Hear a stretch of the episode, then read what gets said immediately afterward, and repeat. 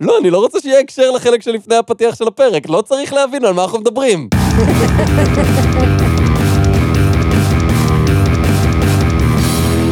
שלום לכולם, אני גל, איתי נמצאים חגי. היי. וליבי. היי. למזק, למה זה קיים? המקום בו אנחנו שואלים את השאלה שהיא השם שלנו. והפעם, מסביב לעולם.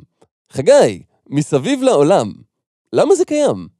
אז מסביב לעולם הוא מדור בידיעות אחרונות, שמתפרסם מדי יום כבר כמה עשורים. מהמם. באתר ידיעות מתארים אותו בתור חדשות מרתקות, מעניינות ולא מובנות מאליהן מסביב לעולם.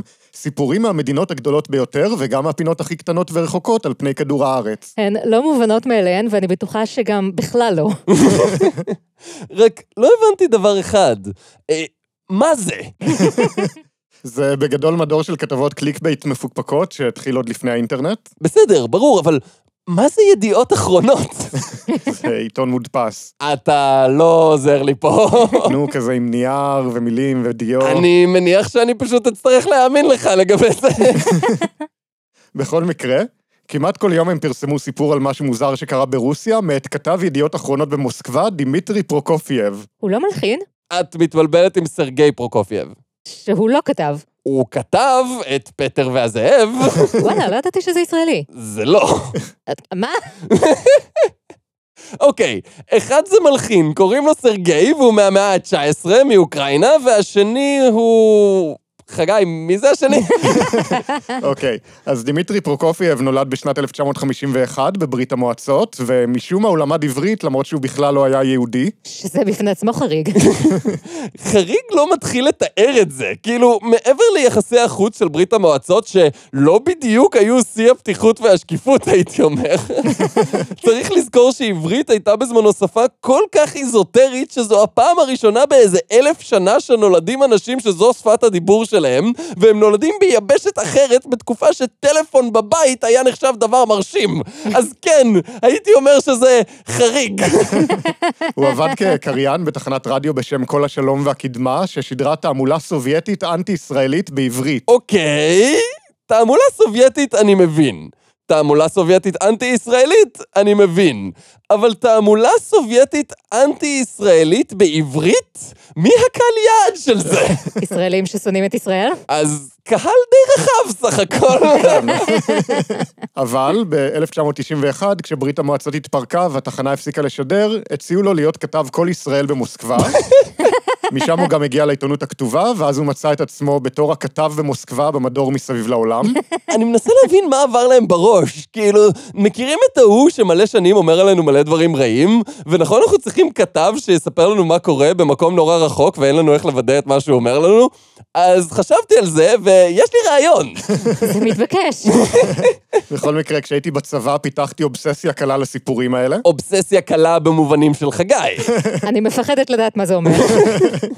בגדול כל יום הייתי לוקח את העיתון שהיה מגיע למשרד בצבא, הייתי גוזר משם את הכתבה החדשה של דימיטרי פרוקופייב, והייתי מדביק במחברת, ואז בסופו של דבר, כשהשתחררתי מהצבא, היו לי שתי מחברות מלאות עם מאות כתבות כאלה. וואו, זה נשמע כמו בזבוז זמן נוראי. בצבא? אז לכבוד זה שהגענו לפרק 90, וסוף סוף הגעתי לנושא הזה שכבר מפרק 4 אני רוצה לעשות אותו, פתחתי את המחברת והבאתי לכם קטעים נבחרים שאספתי לאורך השנים. ובכך הוכחת לכולנו שזה לא שאתה עושה את זה בשביל למזק, אתה עושה את זה כבר שנים, פשוט עכשיו סוף סוף יש לך פודקאסט לדבר בו על זה. בדיוק. אז לפני שאני מתחיל להקריא, אני רוצה להתנצל מראש על כל הפעמים שאני הולך להקריא שמות של אנשים ומקומות לא נכון. ועוד הכל בעברית בלי ניקוד, אז בכלל אין סיכוי שזה ילך חלק. לגמרי. והכתבה הראשונה, תושבי הכפר של פוטין לא אוהבים עיתונאים. אוקיי.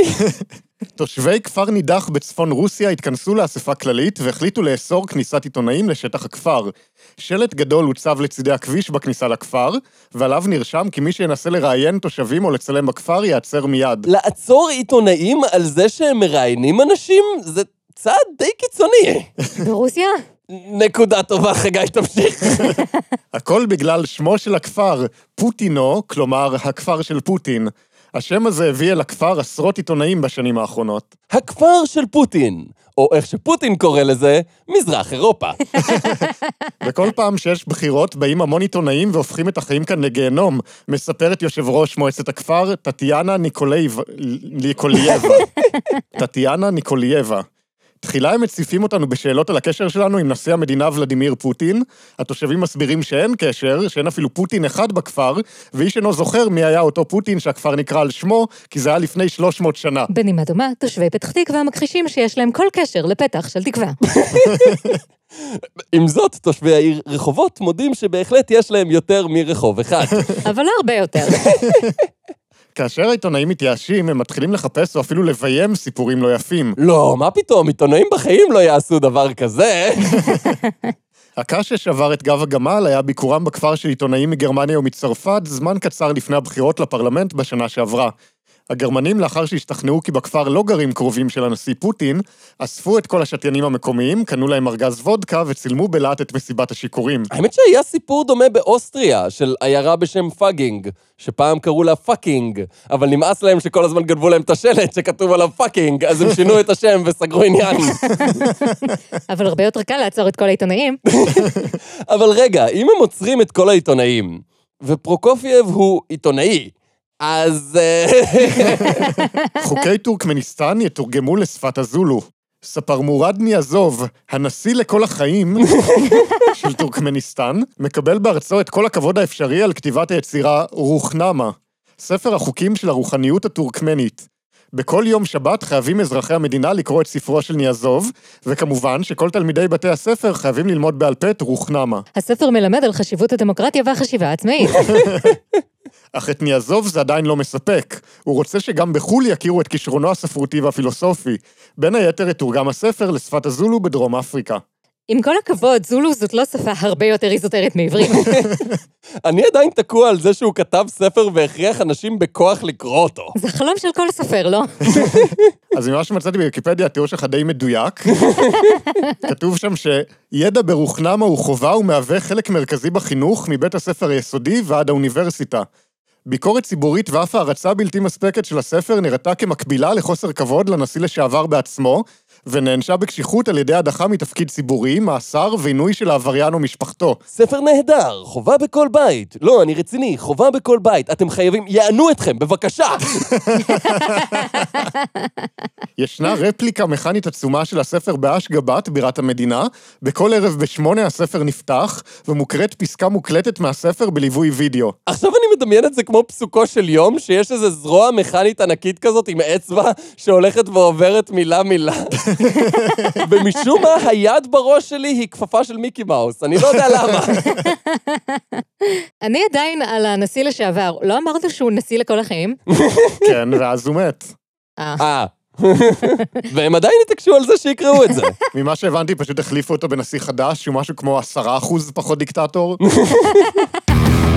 פרק זה מוגש לכם בחסות דיקטטורה lite, מהאנשים שהביאו לכם את פשיזם בקטנה, ובחייאת זה לצורכי ביטחון, מגיע הלהיט החדש שכבש את אירופה, דיקטטורה lite. עדיין לא מרוצים? נסו כבר היום את דיקטטורה zero, אותה כמות דם, אפס זכויות אדם. באופן כללי ניאזוב היה אדם מאוד מעניין. מעניין במובן שכל מי שלא מגיב אליו בהתעניינות הולך לכלא. ניאזוב יזם פולחן אישיות סביבו וכינה את עצמו טורקמנבשי, שזה אומר אבי הטורקמנים. מהמם. פניו נראו בכל מקום, ועל כל דבר במדינה התנוססה תמונתו, החל בשטרות כסף ובטפסי בנקים, וכלה במודעות רחוב בערים, בבתי ספר ואפילו על בקבוקי וודקה. הנשיא גם שינה את שם חודש ינואר לשמו, והעניק לחודשים האחרים את שמות בני משפחתו. וואו. בין השאר חוקק ניאזוב חוקים יוצאי דופן, כמו איסור על גידול ספמים וזקנים, או איסור על האזנה לאופרה. מילא אופרות, אבל מה יש לו נגד ספמים וזקנים? אני עדיין נתקעתי על כל הקטע של לענות אנשים, אבל כן, גם הספמים זה לא משהו. תשמע, אתה בעד זכויות אדם, אני בעד זכויות שפם. והוא גם בנה אנדרטה לניטרליות. מה? האנדרטה היא מבנה בגובה 75 מטרים שנבנתה בשנת 1998 בהוראת נשיא טורקמניסטן, על מנת להנציח את עמדת הניטרליות הרשמית של המדינה. ניטרלית באיזה נושא אבל? ניטרליות חשמלית, הם מאוד גאים בעצמם על איזון מספר האלקטרונים במדינה. הבנייה עלתה 12 מיליון דולר, ובראשה פסל בגובה 12 מטרים מצופה זהב של ניאזוב, שהיה מסתובב אל השמש. הקשת שהייתה ממוקמת במרכז אשגבת שלטה בקו הרקיע בעיר, והייתה גבוהה יותר מארמון הנשיאות הסמוך, והפסל היה מואר בלילה. טוב, חגי, טורקמניסטן, למה זה קיים? זה פרק אחר, שכנראה יכיל הרבה יותר מעשי זוועה מוסווים בפרסונה משעשעת שמסיתה את תשומת הלב. אז בוא נחזור לכתבות של מסביב לעולם במוסקבה לפני שאנחנו נכנסים לאיזה רשימה של מישהו. מאוחר מדי. אם קוראים את כל הכתבות ברצף, אפשר לראות שהאות הראשונה בכל פסקה מאייתות ביחד, חגי, למה אתה עושה את זה לעצמך? שיש כמה נושאים שחוזרים על עצמם. נגיד, יש הרבה כתבות בסגנון שאני קורא לו פושעים משונים, אוקיי. כמו למשל, הקוף נזרק מהבית והתפרנס מפריצה לדירות. אהה. משטרת נובוסיבירסק, שזה בוודאות הדרך הנכונה לבטא את זה, ואף אחד לא הולך להעיר לנו על זה אחר כך. העיר הגדולה ביותר בסיביר, ערכה סריקות במזבלות ובמרתפי בתים עזובים שבהם מסתתרים הומלסים, עבריינים ונרקומנים. 41 איש נעצרו ואחד הועבר לגן החיות. שמעתי על יחס לא אנושי, אבל זה כבר מוגזם. הפרט האחרון שהופיע בדוח היומי של המשטרה הדהים את פיקוד המשטרה. עד מהרה התברר כי העציר שנשלח לגן החיות לא היה אלא קוף גדול מאפריקה, שהתגורר שלושה חודשים עם שתיינים והשתתף בפריצות לבתים. זה גזעני? זה מרגיש גזעני. כאילו, אנחנו מדברים פה באמת על קוף, נכון? הקוף גושה הובא מאפריקה כאשר היה גור על ידי טייס רוסי שהעניק אותו במתנה לבת אחותו. כאשר הקוף גדל, הוא לא הסתדר עם המשפחה ובעלת הבית גירשה אותו. כשאתם מאמצים חיית מחמד, אז קחו בחשבון שגורים גדלים, במיוחד אם הם הולכים לגדול למשהו שיהיה מסוגל לקרוע אותך לשתיים. הוא עבר להתגורר במרתף של בית נטוש ופגש בחבורה של הומלסים שתיינים, שלימדה אותו לעשן ולשתות וודקה. מאוחר יותר השתתף גושה בפריצות לבתים. הוא טיפס על מרפסות בקומות גבוהות, נכנס לדירות ופתח את הדלתות מבפנים. העבריינים היו גומלים לו במזון ובוודקה. הוא הספיק להשתתף בתריסר מכות לפחות. עכשיו הוא עובר טיפולים בגן החיות של נובוסיבירסק. הווטרינר הודיע כי הקוף נגמל מהתמכרות לשתייה, אך עדיין גונב סיגריות מהכיסים של עובדי הגן והמבקרים. זאת נשמעת כמו עלילה של סדרת פשע ממש מעניינת. אני כבר מדמיין את הקוף מתראיין לדוקומנטרי, יושב שם עם סיגריה, מספר על איך הוא התמכר ונגמל והחיי הפשע שלו. הם אוספים את הקול שלו ושמים לו ריבוע על העיניים.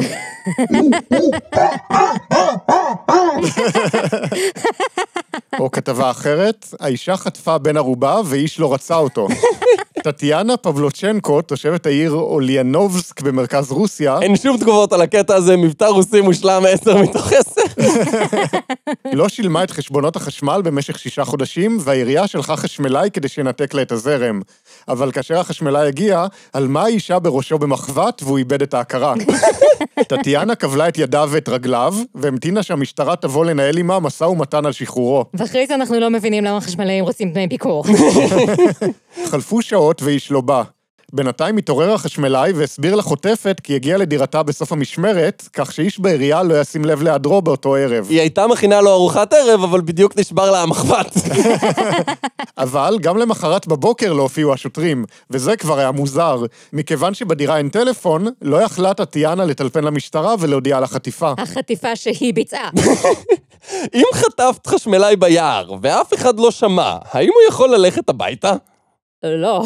אה, מדי פעם היא יצאה למרפסת וצעקה לעוברים ושבים שהזיקו משטרה, אך הם חשבו שהיא שיכורה או משוגעת. להגנתם ייאמר שהיא תקפה חשמלאי מחבת. טטיאנה חיכתה וחיכתה, אך דבר לא קרה. וכך, אחרי שלושה ימים היא נאלצה לשחרר את החשמלאי, מה גם שעלה לה להאכיל אותו שלוש פעמים ביום. נראה שהפשע לא משתלם. מצד שני, החשמלאי יוצאים מזה כמה ימים של אוכל חינם, אז אני מניח שהכל עניין של פרספקטיבה. הלילה שבו אסור היה לגנוב מכוניות. בניגוד לאיזה לילות בדיוק? הפרג'? ולדימיר דרקאץ', בן 22 מסיביר, התמחה בגניבת מכוניות. הוא עשה את ההתמחות שלו בוולפסון והמשיך משם ל fellowship בקנדה. לילה אחד פרץ ולדימיר את השער של מוסך פרטי ברחוב נייבוט במרכז העיר כדי לגנוב את הלימוזינה היפנית של בעל חנות גדולה. אה, זה מוסך במובן של חנייה סגורה של בית פרטי, לא מוסך שמתקנים בו מכוניות. כן. אוקיי, זה קצת יותר הגיוני. אבל המוסך היה ריק כי האיש בדיוק נסע לבקר ידיד. דרקאץ', אה, זה לא איך שהקראת את השם שלו פעמים קודמות. כן, כבר ויתרתי לגמרי. הוא פרץ את המוסך השכן, אבל המכונית שם לא התניעה. הגנב עבר לרחוב הסמוך ופרץ עוד שני מוסכים, אבל שניהם היו ריקים. הבחור לא התייאש וחזר לרחוב נייבוט, שם ראה שברולט גדולה חונה ליד אחד הבתים, אבל המפתח שלו נשבר במנעול של הרכב. דרקאץ' החליט לנסות את מזלו פעם נוספת. הוא ראה מרצדס מפוארת והצליח לפרוץ את הדלת שלה ולהתניע. אבל ברגע שהוא לחץ על הדוושה, התפוצץ מטען חבלה שהיה מחובר אל המכונית ונועד לפגוע בבעליה. רגע, מה? וכך הובל הגנב ביש המזל אל בית החולים, והרופאים נאלצו לכרות לו רגל. תושבי הרחוב ממש רצו לבקר אותו בבית חולים, אבל לא היה להם איך להגיע. מישהו במקרה שבר להם את כל המכוניות. ומה לגבי, בסיביר עדיין מחכים למייקל ג'קסון. יום אחד הגיע לכפר שר"פ בסיביר אדם שהציג את עצמו כאמרגן הרוסי של מייקל ג'קסון, רמת אמינות, המרגן הרוסי של מייקל ג'קסון. והודיע כי הכוכב האמריקני הסכים להופיע בסדרת קונצרטים בסיביר. אחד הקונצרטים התקיים בכפר שר"פ, שמונה בקושי 100 משפחות. אהה, מייקל ג'קסון מופיע בכפר בסיביר שמונה 100 משפחות. כן, עד כה... לא חשדתי. האמרגן גבה עשרת אלפים רובל לכרטיס, כאשר השכר הממוצע בכפר מגיע בקושי לשלושת אלפים רובל בחודש, אבל תוך שעה נמכרו כמעט 200 כרטיסים. וואו. האמרגן אסף את הכסף ונסע לו, ואילו תושבי שר"פ התקינו מעין שער ניצחון בכניסה לכפר, כתבו עליו "ברוך הבא מייקל ג'קסון", והמתינו לבואו של כוכב הפופ. שבוע לאחר מכן, מייקל ג'קסון הגיע, עשה הופעה, וכולם היו נורא מרוצים, נכון? כן, זה היה ממש מגניב. בוא נמשיך לכתבה הבאה. רק שלושה ימים אחרי התאריך שנקבע לקונצרט, התקשר שוטר הכפר אל הממונים עליו בבירת המחוז, והביע חשש כי אמרגנו של ג'קסון הוא בסך הכל נוכל. לא. מובן שהאיש נמלט כבר מזמן מהאזור. לא, אין מצב. אגב, בין רוכשי הכרטיסים מהנוכל האלמוני, היו שתי אחיותיו של אחד הנוכלים הידועים ביותר בסיביר, לאוניד קופצוב, שריצה כבר שבע תקופות מאסר על מעשי מרמה. הפעם ידו לא הייתה במעל. יתר על כן, לא מזמן הוא שלח מכתב לעיתונות ובו הודיע על פרישתו מהענף. נמאס לי לרמות אנשים תמימים, הוא הסביר. כותרת בעיתון, רמאי מפורסם טוען שהוא לא רמאי. האמרגן, אגב, מאז הפסיק להציג את עצמו בתור אמרגן, והתחיל להציג את עצמו בתור מטפל בשיטת רכישת כרטיסים. הוא אמר שבעוד שנכון שלא הייתה הופעה, רוכשי הכרטיסים קיבלו את החוויה של לקנות כרטיס ולצפות להופעה, שלפי אפקט פלסבו זה לא שונה מהותית מלהגיע לאיצטדיון ולשמוע את השירים. עוד סוג של כתבות שחוזר על עצמו הוא בתחום של מין ואהבה. שהם כמובן אותו הדבר. אה, לא, זה לא ליבי, אנחנו נדבר על זה אחר כך. גם לבובות מין יש זכויות. תודעת חופש הפרט גוברת והולכת ברוסיה. אחרי ימי ברית המועצות זה לא אומר הרבה. בימים אלה נערכה בעיר פיאטיגורסק הפגנה למען הזכויות של בובות המין. בעוד שמדינות המערב לוחמות בעד הזכויות של האישה המוסלמית המקופחת, איש אינו טורח להגן על מעמדה של אשת הגומי, נאמר בכרוז שהופץ בעיר לקראת האירוע. במהלך ההפגנה חתמו אלפיים בני אדם על עצומה הדורשת לתת לאשת הגומי את הזכות לסרב לגברים. ובכן, יש לה את הזכות לסרב לגברים, אבל אולי אין לה את היכולת לסרב לגברים כי היא אה, מגומי? כאילו, כן, מצד אחד, 100% מהפעמים שהיא רצתה לסרב, היא סירבה בהצלחה, אבל מצד שני, באף אחת מהן היא לא נתנה הסכמה נלהבת. אז אני לא בטוח שזה עובר. התגרשו בגלל טאטו שעה אחרי החתונה. חיי הנישואים של אלכסיי ונטליה וולקוב, תושבי קלוגה, נמשכו בקושי שעה. זה בדיוק כמה זמן שלקח להם לפדות את הצ'קים. אחרי שנרשמו לנישואים במשרד העירוני, עלו בני הזוג למכונית ונסעו למסעדה. החתן הדליק את הרדיו כדי להאזין לשירים פופולריים בדרך. ואז עשתה הכלה טעות גורלית. כאשר התחנה החלה לשדר שיר של צמד הפופ טאטו, היא כיבתה את הרדיו. החתן הפעיל אותו שוב. הכלה כיבתה. החתן נזף בה על כך שהיא לא מבינה במוזיקה טובה. עד כאן אני בצד של החתן, השיר ההוא של טאטו היה ממש אחלה. איזה זה ה... כל הדברים שהיא אמרה, כל הדברים שהיא אמרה, רצים לי בראש, רצים לי בראש, רצים לי בראש! זה אה, לא מספיק. כן, תודה גל, השיר הזה. הכלה נזפה בו ואמרה שהוא אוהב לסביות. החתן אמר לה שהיא מטומטמת. הכלה ירקה עליו. החתן נתן לה סטירת לחי. הכלה בעטה בו וסרטה את פניו. החתן שפך חומצה על פניה, הכלה שרפה לו את הבית, החתן שלח אליה חוליית מתנגשים. הכלה כיבתה לו את המחשב באמצע משחק לפני שהוא שמר. וואו, לא צריך להגזים. החתן סובב את ההגה וחזר למשרד לרישום נישואים, והשניים התגרשו. אני חושבת שהוא צודק, זה שיר מצוין ומגיע לו מישהי שמבינה את זה. כמוך?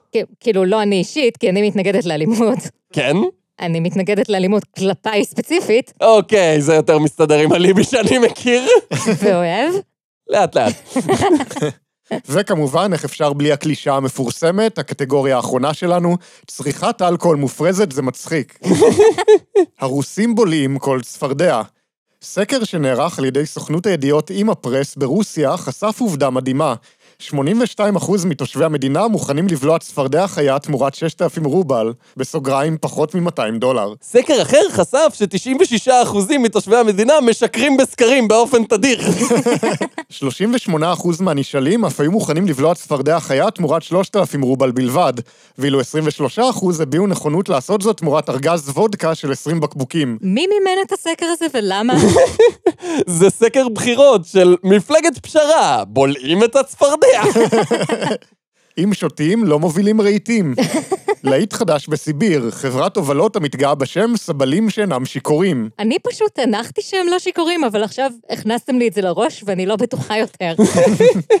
מי שמתקשר למשרדי החברה החדשה מקבל הסבר פשוט. החברה מספקת שירותי הובלת רהיטים על ידי סבלים שאינם שותים אלכוהול במהלך העבודה. המחירים דומים לאלה של המתחרים, אבל בגלל שהסבלים אינם שטויים, הביקוש לשירותי ההובלות עצום. מדוברות החברה נמסר שהסבלים הסכימו לסידור כשנאמר להם שעדיין מותר להם LSD ופטריות. חברות מתחרות שביקשו לחקות את ההצלחה גילו מיד כי השם סבלים שאינם שיכורים רשום כסימן מוכר של החברה, ומי שיעתיק אותו צפוי לקנסות גבוהים. וכפועל יוצא, בכדי להימנע מתביעות, כל הסבלים בכל החברות האחרות חויבו לשתות לפחות שלוש מנות אלכוהול פר משמרת. אבל יש גם מי שמתלהבים פחות מהרעיון. פעילי האיגודים המקצועיים הגישו תביעת דיבה נגד החברה, שלטענתם הוציאה שם רע לכל הסבלים.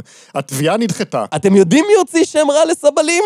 סבלים! כי כשאתה מגיע למדרגות ואומרים לך, תשמע, כל הרכוש שלך עלי אדמות נמצא אצלנו במשאית, אבל החלטתי להעלות לך את המחיר ב-200 שקל, מה אתה אמור להגיד להם עכשיו? אבל טכנית, אתה יודע, הם לא טועים, הם סבלים, הם לא שיכורים, זהו. כן, אבל זה כמו לשים על דגני בוקר את הכיתוב חדש, ללא אסבסט. האם אי פעם היה אסבסט בדגני בוקר? לא, אבל זה חדש וזה ללא אסבסט, אז הנה, זה לא בעיה שלנו יותר. דוקטור בוריס טפליאקוב, רופא מקומי, התראיין בטלוויזיה והסביר כי סבלים שותים אלכוהול לא יותר ואולי פחות מבעלי מקצועות אחרים. הרופא גם הציג נתונים סטטיסטיים לפיהם הפועלים השיכורים ביותר ברוסיה הם דווקא פועלי בניין. הסקר נערך על ידי אותה חברה עם הצפרדעים ממקודם. ומומן על ידי האגודה הלאומית נגד פועלי בניין. כל יום שאני עוברת כאן בתשע, הם שורקים לי. טוב, נראה לי שהבנתם את הקטע, אז הנה עוד כמה כותרות של כתבות בנושא. אוקיי. המצאה רוסית, וודקה מנוזל לניקוי שמשות. הרוסים משתכרים גם משתיית נוזל לניקוי אמבטיות. להיט חדש ברוסיה, וודקה מוזיקלית. שועלים נגד אלכוהוליסטים. זה הסרט שאני הכי אוהבת של פיקסאר. וכמובן, השיכור גנב בטעות את המכונית של עצמו. אז הוא נהג. אוקיי, אז מצד אחד, אמ, אלכוהוליזם ברוסיה זו תופעה מאוד מתועדת ומוכרת ומצערת. מצד שני, אה, להקצין סטריאוטיפ ולנצל אותו בצורה צינית לצורכי בידור זה לא יפה. היי, תראי, ליבי, חתול מחבק למה? איפה, איפה? אה, אז חגי, מסביב לעולם. למה זה קיים? כי אחרי שברית המועצות נופלת, אתה צריך לעבור מתעמולה לישראלים נגד ישראל לתעמולה לישראלים נגד רוסיה.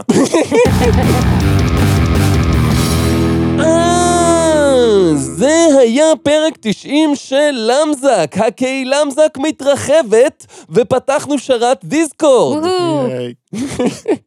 ההתלהבות שלכם מפילה אותי מהכיסא כל פעם. אז אתם מוזמנים ומוזמנות להצטרף, לפגוש למזקים ולמזקיות אחרים ואחרות, לדבר על הפרקים ולחלוק את האומנות המקורית שלכם. כן, אני עדיין מתלהב מהציור הממש מושקע שפעם מישהי עשתה לנו לאיש הפסנתר, שזו בדיחה שאמרנו באיזה פרק פעם. כן, זה הוא שננשך על ידי פסנתר רדיואקטיבי. רודף אחריו הפסנתר והוא זוהר כזה. בכל מקרה, אתם מוזמנים להצטרף, להעלות רעיונות ולהרחיב ביחד את הקהילמזק לעוד ועוד פלטפורמות עד שכל המולקולות ביקום יהיו עשויות מקריסטלים תדרים ורב חופל בשער השליין. חוץ מזה, אסור להשוות. זה כלל טוב לחיים, אבל זה גם פודקאסט. כן, זה פודקאסט שאני ממש עשיתי עליו בינג' והייתי אומרת שהם הרבה יותר טובים מאיתנו, אבל אסור להשוות. כן, אז תנו להם האזנה, תגידו שאנחנו שלחנו אתכם, אבל אז תבינו שזה פודקאסט וזה לא דו-כיווני המדיום הזה. אתם יכולים להגיד, לא יוצא מזה יותר מדי. הלינק, כרגיל, נמצא בתיאור של הפרק. אה, זה היה פרק 90 של למזק, בו למדנו שאם פוטין רוצה שקוף טורקמניסטני יגנוב מכונית מחשמלאי עם מחבת בראש, אל תחברו לו את השיר של טאטו בדרך להופעה של מייקל ג'קסון. אז אה, ביי! ביי. ביי.